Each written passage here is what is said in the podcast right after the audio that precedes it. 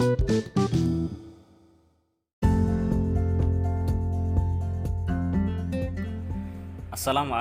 warahmatullahi wabarakatuh. Salam sejahtera untuk kita semuanya.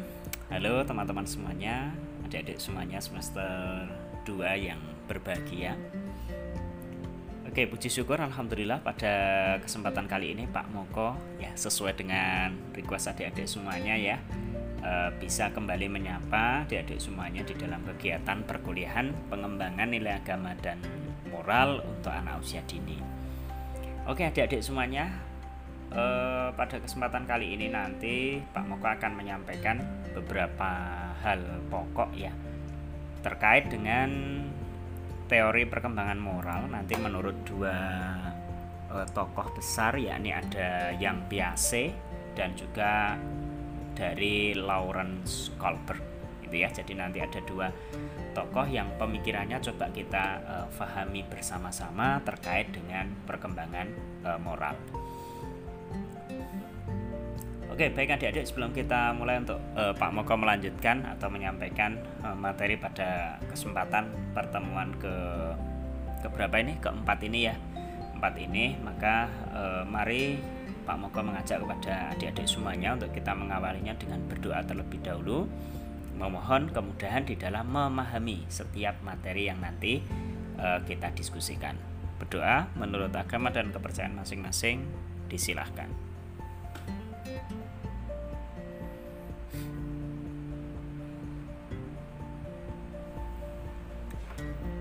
Baik, terima kasih adik-adik semuanya. Oke, kita langsung eh, cermati bersama ya materi yang sudah Pak Moko sampaikan di dalam slide. Oh iya, adik-adik yang yang barangkali belum mengunduh slide-nya silahkan diunduh dulu slide-nya, kemudian silahkan dibuka sembari mendengar penjelasan dari Pak Moko.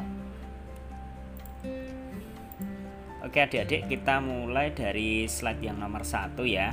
Di sini kita akan membahas nih sekali lagi pemikiran dari dua tokoh besar yaitu yang pertama yang Piaget atau kalau di tulisan itu tulisannya Jean Piaget gitu ya. Tapi e, secara umum Pak Moko apa namanya mendapat e, cara bagaimana membaca nama dari e, yang Piaget ini sebagaimana yang dulu disampaikan oleh guru-guru Pak Moko seperti itu ya. Oke, kita masuk ke slide yang pertama yaitu uh, dari yang Piaget dulu nanti baru kita masuk ke yang pemikirannya Lawrence Kohlberg ya terkait dengan teori perkembangan moral. Oke, slide satu ini bicara terkait dengan biografi singkat singkatnya uh, ya. Beliau ini lahir di Swiss ya pada 9 Agustus 1896 dan meninggal tahun 1980 di usia 84 tahun ya. Nah, beliau ini sebenarnya punya bidang kekhususan di psikolog ya, psikologi perkembangan. Dan memang yang terkenal adalah riset-riset beliau terkait dengan uh, penelitiannya di bidang anak-anak dan juga lebih khusus lagi di teori perkembangan kognitif ya yang ya yang sering barangkali sudah kita dengar ya teori perkembangan kognitifnya Piaget ya. Oke, uh, kemudian beliau ini juga ini apa perintis dari teori konstruktivisme ya, ya jadi terkait dengan bagaimana seseorang itu bisa membangun pengetahuan ya melalui kognisinya. Kemudian juga uh, informasi dari biografi ini bahwa Piaget ini uh, terakhir menjabat sebagai profesor psikologi ya atau guru besar di bidang psikologi di Universitas Geneva, Swiss ya. Oke, itu adalah satu di antara dua tokoh yang nanti akan kita bahas ya. Jadi bahwa yang Piaget ini merupakan ya istilahnya adalah guru besar atau juga perintis di bidang psikologi perkembangan, lebih khusus lagi adalah di bidang anak-anak dan kognitif. Oke. Kita masuk ke slide kedua, Adik-adik semuanya. Ya, jadi bahwa eh, yang Piaget ini memang kalau tadi memang minatnya di bidang anak-anak dan juga perkembangan begitu ya.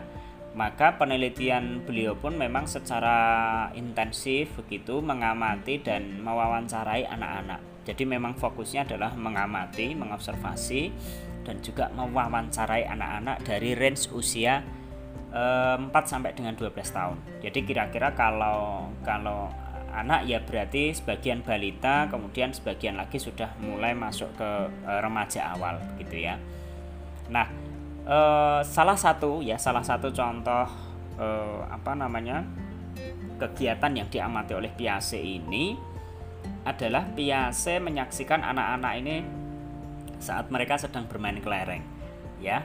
Tujuannya apa? Untuk mempelajari sebenarnya ya mempelajari bagaimana perilaku anak-anak ini ketika mereka menggunakan atau memikirkan aturan bermain ya. Khususnya berarti bermain kelereng.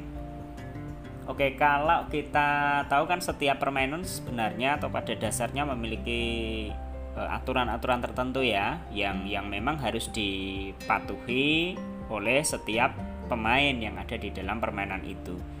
Nah ini salah satunya memang eh, selain mengamati anak-anak bermain kelereng ternyata memang Piase ini juga E, pada waktu itu ya dikisahkan memang juga menanyai anak-anak tentang masalah etika ya aturan main. Terus kemudian diperluas lagi terkait juga bagaimana pandangan anak-anak atau pemahaman anak-anak terkait dengan pencurian. Boleh nggak sih kemudian melakukan pencurian kebohongan ya hukuman dan juga terkait dengan keadilan? Jadi ini beberapa contoh topik-topik yang ditanyakan oleh Piase kepada anak-anak mungkin kita pun juga sebenarnya juga bisa ya adik-adik mencoba kepada anak-anak di sekitar kita khususnya yang rentang usia dini begitu bagaimana sih sebenarnya kemudian anak-anak usia dini itu memahami terkait dengan ya ini contoh-contoh masalah etika tadi ya mencuri kemudian berbohong ya, dan dan sebagainya.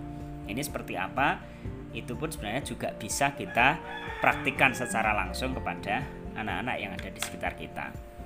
Nah pada akhirnya gitu ya pada akhirnya Piase ini kemudian punya berdasarkan tadi observasi yang panjang yang intensif tadi e, punya kesimpulan bahwa ternyata anak-anak itu e, melewati dua tahapan tentang moral gitu ya dua tahapan tentang moral yang berbeda. Jadi ada dua tahapan besar begitu di dalam e, perkembangan moral di anak-anak. Yang di tengah-tengahnya di antara dua tahapan ini ada yang disebut dengan masa transisi gitu ya. Jadi Piase kemudian punya satu simpulan bahwa perkembangan moral pada anak itu terbagi menjadi dua tahapan atau dua periode yang di tengah-tengahnya di antara dua tahapan ini dipisahkan oleh satu tahapan yang disebut dengan masa transisi Oke, seperti apa kemudian eh, tahapan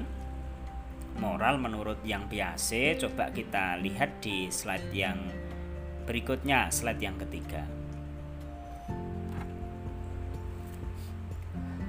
Oke, jadi kalau kita lihat tahapan moralnya yang biasa di sini ternyata terbagi menjadi dua klaster besar ya. Nah, ini Pak Moko sengaja tandai yang memang fokusnya di anak usia dini, yakni usia 4 sampai dengan 7 tahun ya. Yang disebut sebagai tahap moralitas heteronom. Apa maksudnya? Ya, Piase menjelaskan bahwa anak-anak berpikir tentang aturan itu sebagai bagian dari e, kalau kata-katanya beliau itu properti dunia, artinya sebagai satu hal yang memang tidak dapat diubah dan memang anak-anak di sini belum mampu memahami niat dibalik sebuah perbuatan gitu. Jadi aturan itu ya sudah berarti memang memang ada di dunia ini dan memang tidak tidak bisa diubah kalau menurut menurut Piase. Jadi kalau aturan main kelereng itu A maka ya sudah kita menggunakan aturan main kelereng itu dengan aturan A itu ketika ditawarkan e, mau nggak kalau aturannya diubah mereka ya menjawab akan menjawab tidak boleh gitu ya. Nah, itu yang dijumpai oleh Piase. Dan yang kedua, anak-anak di di usia ini yang 4 sampai 7 tahun ini atau katakan di usia dini begitu e, memang belum mampu memahami e, niat di balik perbuatan. Nah, ada satu satu skenario yang memang diceritakan bahwa ada dua anak yang satu itu sengaja memecahkan gelas ya barangkali dengan membantingnya atau menjatuhkannya Nah, ada anak lain yang ternyata eh, di atas meja itu ada sekitar 10 sampai 12 gelas di dalam nampan yang kemudian dia dengan tidak sengaja itu menyenggol nampan itu sehingga seluruh gelas yang dinampan itu jatuh. Nah, maka kemudian anak-anak ditanyain di usia ini ya menurut Piase itu ternyata lebih bagusan yang tadi menjatuhkan satu tapi dengan sengaja tadi. Ya jadi memang anak-anak memang eh, apa melihat melihat satu satu peristiwa atau kejadian itu belum bisa dari niat-niat niat pelakunya begitu ya. Jadi meskipun satu tapi sengaja itu dikatakan lebih baik begitu ya. Oke. Nah, itu menurut Piase di di tahapan heteronom. Nah, di antara heteronom ini usia 7 sampai 10 tahun ada namanya tahap masa transisi. Artinya ada perubahan, pergeseran ya eh, persiapan gitu ya persiapan menuju ke moralitas otonom artinya beberapa keputusan anak sudah mulai cenderung berubah dari yang di moralitas heteronom nah tahapan yang kedua atau eh, di usia selanjutnya adalah bahwa disebut sebagai tahapan moralitas yang otonom. Artinya anak-anak di tahapan ini sudah sadar gitu ya bahwa yang namanya aturan atau hukum itu memang dibuat oleh orang-orang. Dan memang ya kalau yang buat orang berarti ya bisa saja berubah-ubah kan gitu ya aturannya sesuai dengan sesuai dengan kesepakatan atau kebutuhan yang ada. Dan di tahap otonom ini anak sudah e, mulai bisa menilai suatu tindakan itu berdasarkan pada e, niatnya jadi niat-niat pelakunya ya jadi jadi bedanya di sana Oke, itu adik-adik. Jadi sekali lagi moral yang disampaikan oleh yang biasa ini terdiri dari dua tahapan besar yaitu heteronom yang terjadi di anak usia dini dan tahapan e, moralitas yang otonom di anak yang lebih dewasa. Gitu ya. Oke, kita lanjut ke slide yang keempat. Ya, ini beberapa catatan tambahan dari tahapan moralitas yang biasa bahwa yang pertama di anak usia dini itu mereka menurut yang biasa percaya adanya konsep immanent justice. Artinya bahwa jika aturan itu dilanggar maka hukuman itu akan diterima dengan segera. Ya, jadi pokoknya kalau kita melanggar aturan itu pasti dapat hukuman gitu ya segera.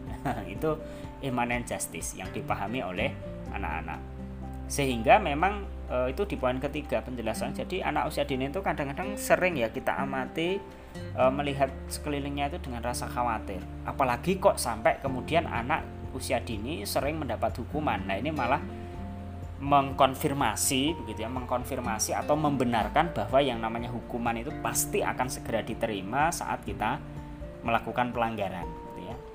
Jadi persepsinya anak usia dini itu kalau menurut Pias itu sudah sering ya teramati oleh beliau, anak itu sering merasa khawatir gitu kalau mereka melakukan kesalahan.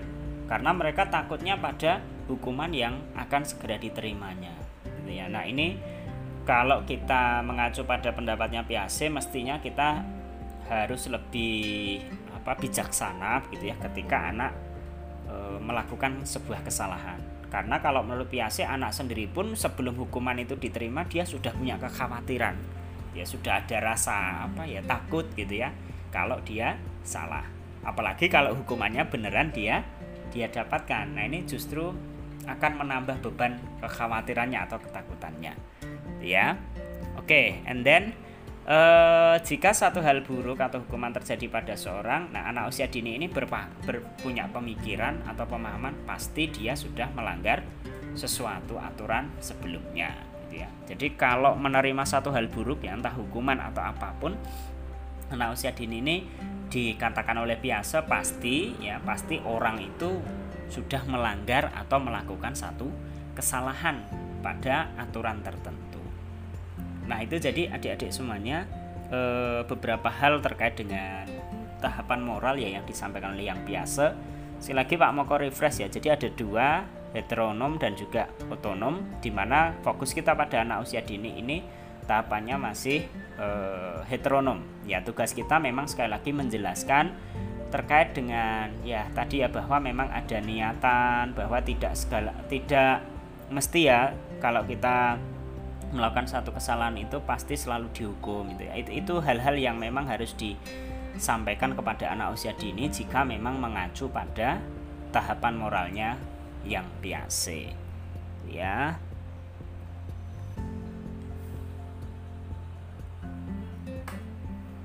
sekarang kita masuk ke bagian berikutnya di slide kelima setelah tadi yang PAC selesai kita masuk ke Lawrence Kohlberg ya jadi Lawrence Kohlberg ini uh, ilmuwan yang ada di masa setelahnya yang PAC kalau kita baca biografi singkatnya uh, memang Kohlberg ini meninggalnya di usia yang jauh lebih muda ya dibanding dengan Piase di usia 59 tahun dan memang di beberapa cerita ternyata Kohlberg ini dulu sebelum meninggalnya menderita sakit tertentu yang membuatnya memang sangat depresi begitu.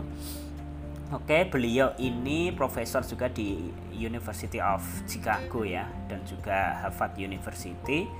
Kemudian, nah ini memang kalau Kohlberg ini memang fokusnya atau karyanya, risetnya, penelitiannya, pemikirannya itu pada bidang uh, salah satunya perkembangan moral. Sebagaimana memang beliau ini meneruskan uh, apa teori-teori yang sudah dicetuskan oleh uh, yang PAC, khususnya teori perkembangan kognitifnya. Oke, beliau ini uh, salah satu ya kehebatannya adalah memperoleh gelar sarjana di bidang psikologi hanya dalam waktu satu tahun ya waktu itu di Chicago juga dan kemudian melanjutkan program pasca sarjananya juga di universitas yang sama ya sehingga sampai kemudian beliau menjadi guru besar di sana.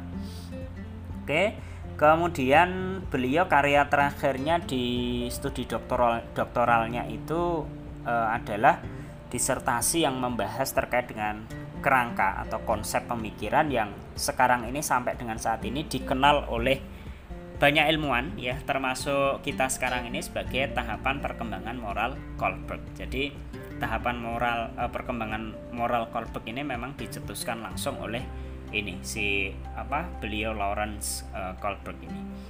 Oke, itu ya biografi singkatnya Kohlberg. Jadi sekali lagi beliau ini adalah ilmuwan yang memang uh, terakhir ya menduduki jabatan akademisi sebagai seorang guru besar.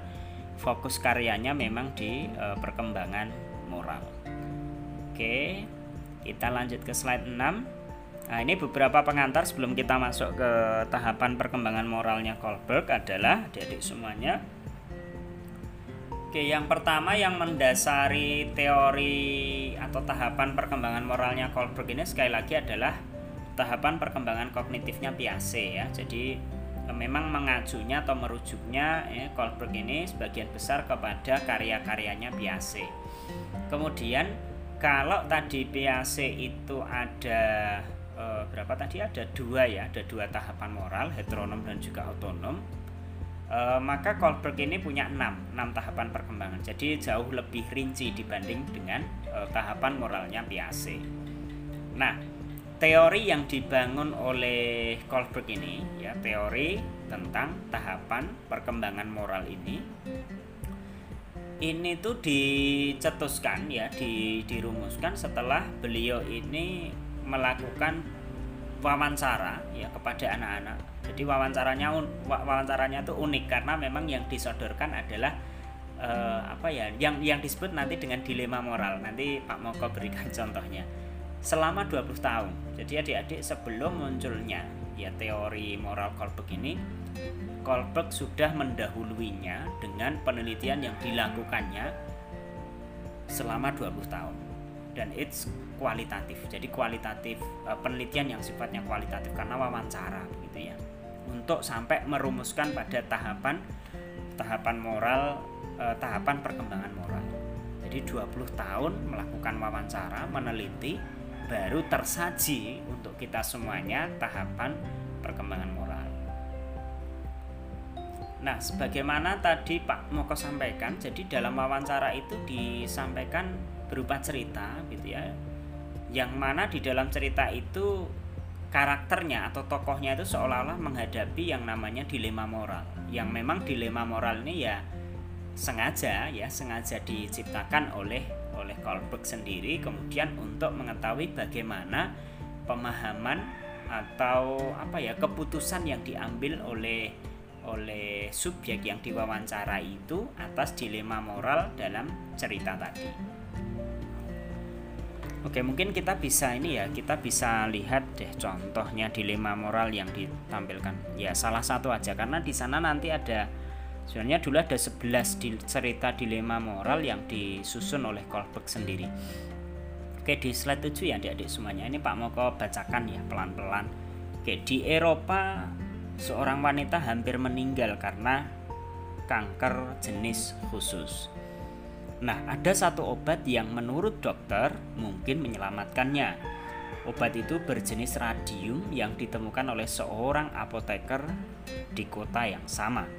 Nah, obat itu memang mahal, tetapi apoteker itu ya menagih 10 kali lipat dari harga yang seharusnya. Ya, dia artinya suami ya suami e, wanita ini harus membayar 2000 US dollar untuk dosis kecil obat yang seharusnya harganya hanya 200 US dollar.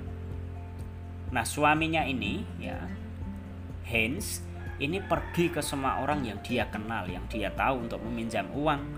Tetapi dia pada akhirnya hanya mampu mengumpulkan sekitar 1000 US dollar saja. Dan yang merupakan setengah dari biaya yang diminta oleh apoteker tadi. Kemudian dia mengatakan kepada apoteker bahwa istrinya memang betul-betul sedang sekarat dan memintanya untuk menjual obat tersebut lebih murah atau kemudian memberikan kelonggaran untuk Hans ini membayar kekurangannya di kemudian hari. Nah, tapi apoteker ini berkata, "Oh, tidak saya yang menemukan obat itu dan saya akan menghasilkan uang dari obat ini. Kemudian Hans pun putus asa dan kemudian yang terjadi adalah Hans merasa marah, mendobrak masuk apotek untuk mencuri obat itu yang akan diperuntukkan bagi istrinya. Nah ini jadi salah satu ceritanya adik-adik. Jadi ini salah satu cerita terkait dengan dilema moral. Ya, kita masuk ke slide berikutnya, slide 8.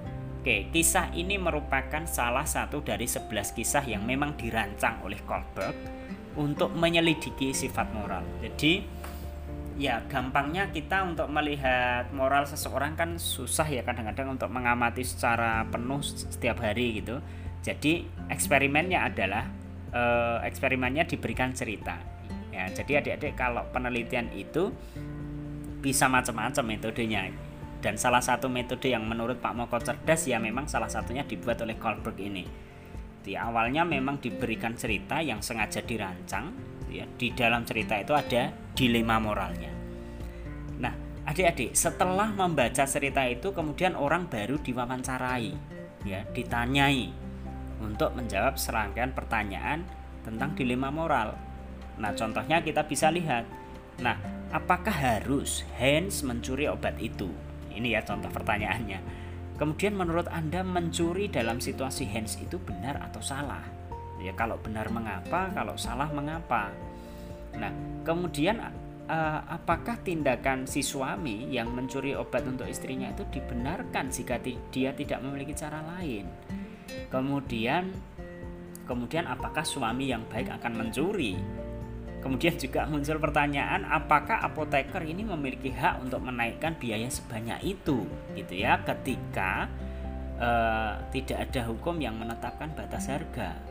Ya, kalau kalau boleh atau kalau bisa mengapa apoteker bisa dan kalau tidak boleh mengapa apoteker itu tidak boleh.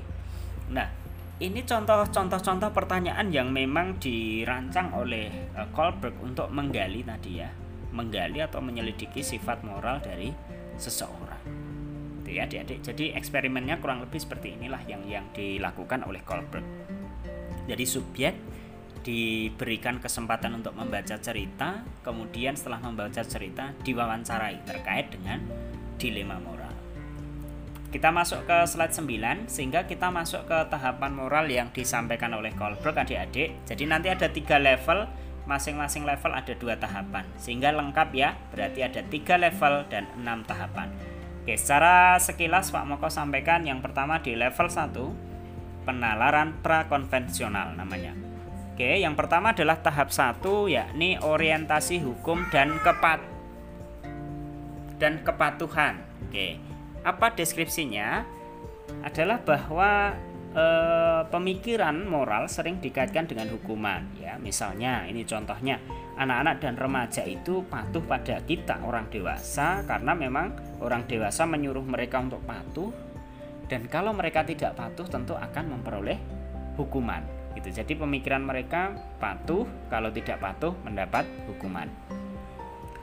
Kemudian tahap kedua adalah yakni tahap individualisme, tujuan instrumental dan pertukaran. Artinya ada pertukaran ya, aksi timbal balik.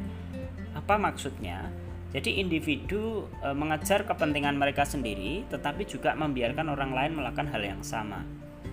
E, gampangnya gini, gampangnya mereka meyakini bahwa orang lain yang berperilaku baik maka e, sorry sorry mereka meyakini bahwa orang yang berperilaku baik maka orang lain pun akan berperilaku baik kepada diri mereka sebagai balasannya gitu ya. Jadi ada timbal balik. Jadi kalau aku baik maka orang lain akan baik gitu ya. Kalau aku jahat pada orang lain maka orang lain pun juga akan jahat kepadaku gitu ya.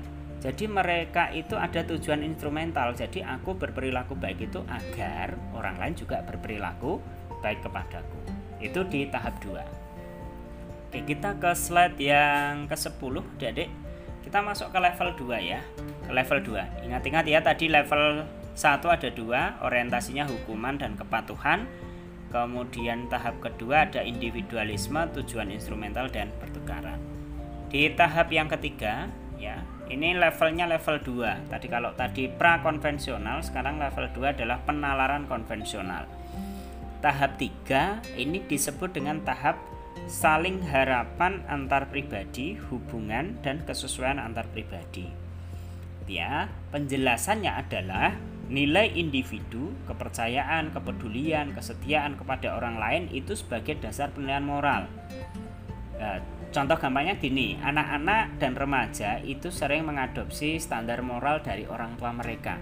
Agar apa? Ya, agar mereka dianggap sebagai anak yang baik gitu ya atau gadis yang baik kalau di sini contohnya. Jadi mereka untuk untuk untuk agar ya agar mereka bisa dianggap sebagai anak yang baik maka mereka itu mengadopsi nilai-nilai yang membuat orang tua tuh bilang kalau kita anak baik itu apa toh gitu ya. Jadi mereka adopsi itu gitu. Itu jadi di tahap tiga seperti itu. Melakukan sesuatu karena memang ya harapannya dianggap ingin dianggap sebagai anak baik Kemudian tahap 4 yakni moralitas sistem sosial. Nah, ini lebih luas lagi ya dari semuanya. Penjelasannya adalah eh, penilaian moral itu didasarkan pada pemahaman terhadap ketertiban sosial, hukum, keadilan, dan tugasnya sebagai warga masyarakat. Oke, mudahnya adalah ya remaja akan mengatakan sesuatu atau melakukan sesuatu dengan cara tertentu sebagai wujud apa? ketaatannya pada masyarakat. Ketaatannya pada komunitas tertentu. Artinya yang lebih luas. Kalau tadi eh, sebelumnya itu kan inginnya dianggap oleh orang tuanya ya. Nah, kalau ini inginnya dianggap oleh masyarakat sebagai e, anak yang baik gitu. Jadi ini moralitas sistem sosial. Artinya sistem yang lebih luas daripada sekedar orang tua. Itu jadi di level 2 penalaran konvensional kita punya dua tahapan lagi. Nah, sekarang yang terakhir di level tiga yakni pasca konvensional kita juga punya dua lagi. Tentu ini yang jauh lebih tinggi ya. Tahap 5 yakni kontrak sosial dan hak individu. Penjelasannya adalah individu beralasan bahwa nilai hak dan prinsip yang mendasari atau melampaui hukum. Maksudnya apa? Ya jadi e, seseorang itu bisa mengevaluasi hukum yang ada dan memeriksa sistem sosial dengan tujuan bahwa sejauh mana sih hukum tersebut melindungi nilai-nilai dan hak asasi manusia yang mendasar. Jadi kadang-kadang e, di tahapan ini Kolberg menjelaskan di tahap 5 ini jadi kadang-kadang satu e, hukum itu bisa saja loh kemudian dievaluasi ya, artinya dikoreksi kalau memang e, dari hukum yang ada itu ternyata mencederai ya mencederai nilai-nilai dan juga hak asasi manusia. Nah, itu sudah naik level lagi tuh levelnya sudah tinggi lagi. Kemudian tahapan terakhir yang disampaikan oleh Kohlberg adalah tahap 6 atau etika universal. Artinya memang ada kebaikan secara universal yang kemarin sudah kita kita pahami bersama ya Jadi penjelasannya merupakan tahap tertinggi dari teori moral Kohlberg ya, di mana pada tahap ini eh, ya bahwa misalkan penjajahan itu eh, harus dihapuskan karena tidak sesuai dengan hak asasi juga, hak asasi manusia secara universal misalkan ya. Jadi standar moralnya itu berdasarkan hak asasi manusia secara universal. Misalkan ya contoh manusia ini secara universal kan e, diakui haknya untuk hidup ya haknya untuk hidup. Maka hak hidup pada setiap orang di seluruh dunia itu juga harus dipertahankan dijamin ketimbang pada hukum yang ada misalkan ya. Jadi pada konflik antara hukum yang ada. Jadi pada tahap etika universal ini antara hukum dan juga hak asasi universal maka tentu ya tentu harus mendahulukan ya tadi hak asasi yang universal tadi. Nah, di sini penjelasan Kohlberg adalah misalkan saat berhadapan ya secara konflik ya antara hukum dan hati nurani ya maka tentu yang harus didahulukan adalah hati nuraninya ya hati nuraninya karena tentu hati nurani setiap manusia ini berkait erat dengan tadi hak asasi manusia secara universal. Ya, jadi adik-adik ini tahap yang keenam ini sekali lagi adalah tahap yang ke, yang paling tinggi di antara tahapan moral Kolbe. Oke, kita lanjut ke slide ke-12. Jadi simpulan dari eh, tahapan moral yang disampaikan oleh Lawrence Kohlberg ini adik-adik pada anak usia dini ya. Jadi kita fokus pada anak usia dini. Kohlberg menyatakan bahwa sebelum usia seseorang mencapai 9 tahun ya maka sebagian besar anak berada pada tahap satu tadi. Ya masih ingat ya tahap satu tadi tentang apa? Tentang hukuman dan kepatuhan gitu ya. Jadi ya sederhana anak-anak itu memandang kalau kita patuh maka tidak akan dihukum kalau tidak patuh akan dihukum.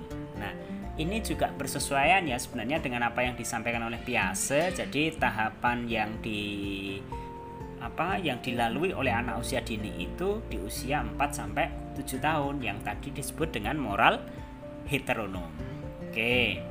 Kita lanjutkan ya. Jadi sekali lagi Kohlberg menyatakan bahwa anak usia dini berada pada tahap satu, yakni penalaran prakonvensional.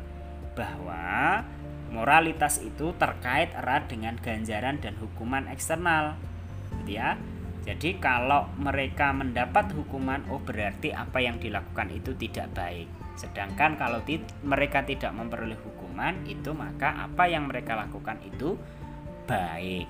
Gitu ya. Jadi menurut Kohlberg seperti itu dan yang kedua adalah bahwa Kohlberg berpendapat bahwa kemajuan dalam perkembangan kognitif anak-anak ini tidak menjamin perkembangan penalaran moral. Jadi sekali lagi kalau menurut Kohlberg ya, ini kognitif anak-anak yang semakin baik ini belum tentu juga menjamin penalaran moralnya yang semakin baik.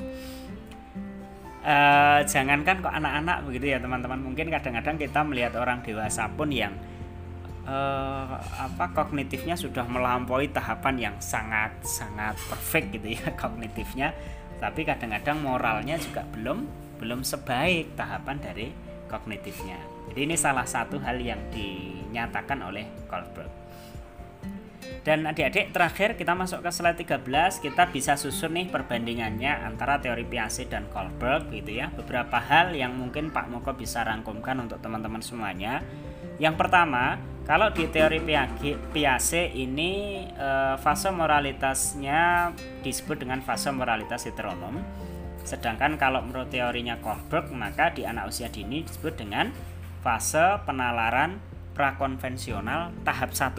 Tadi ya tahap 1 orientasi hukuman dan juga kepatuhan.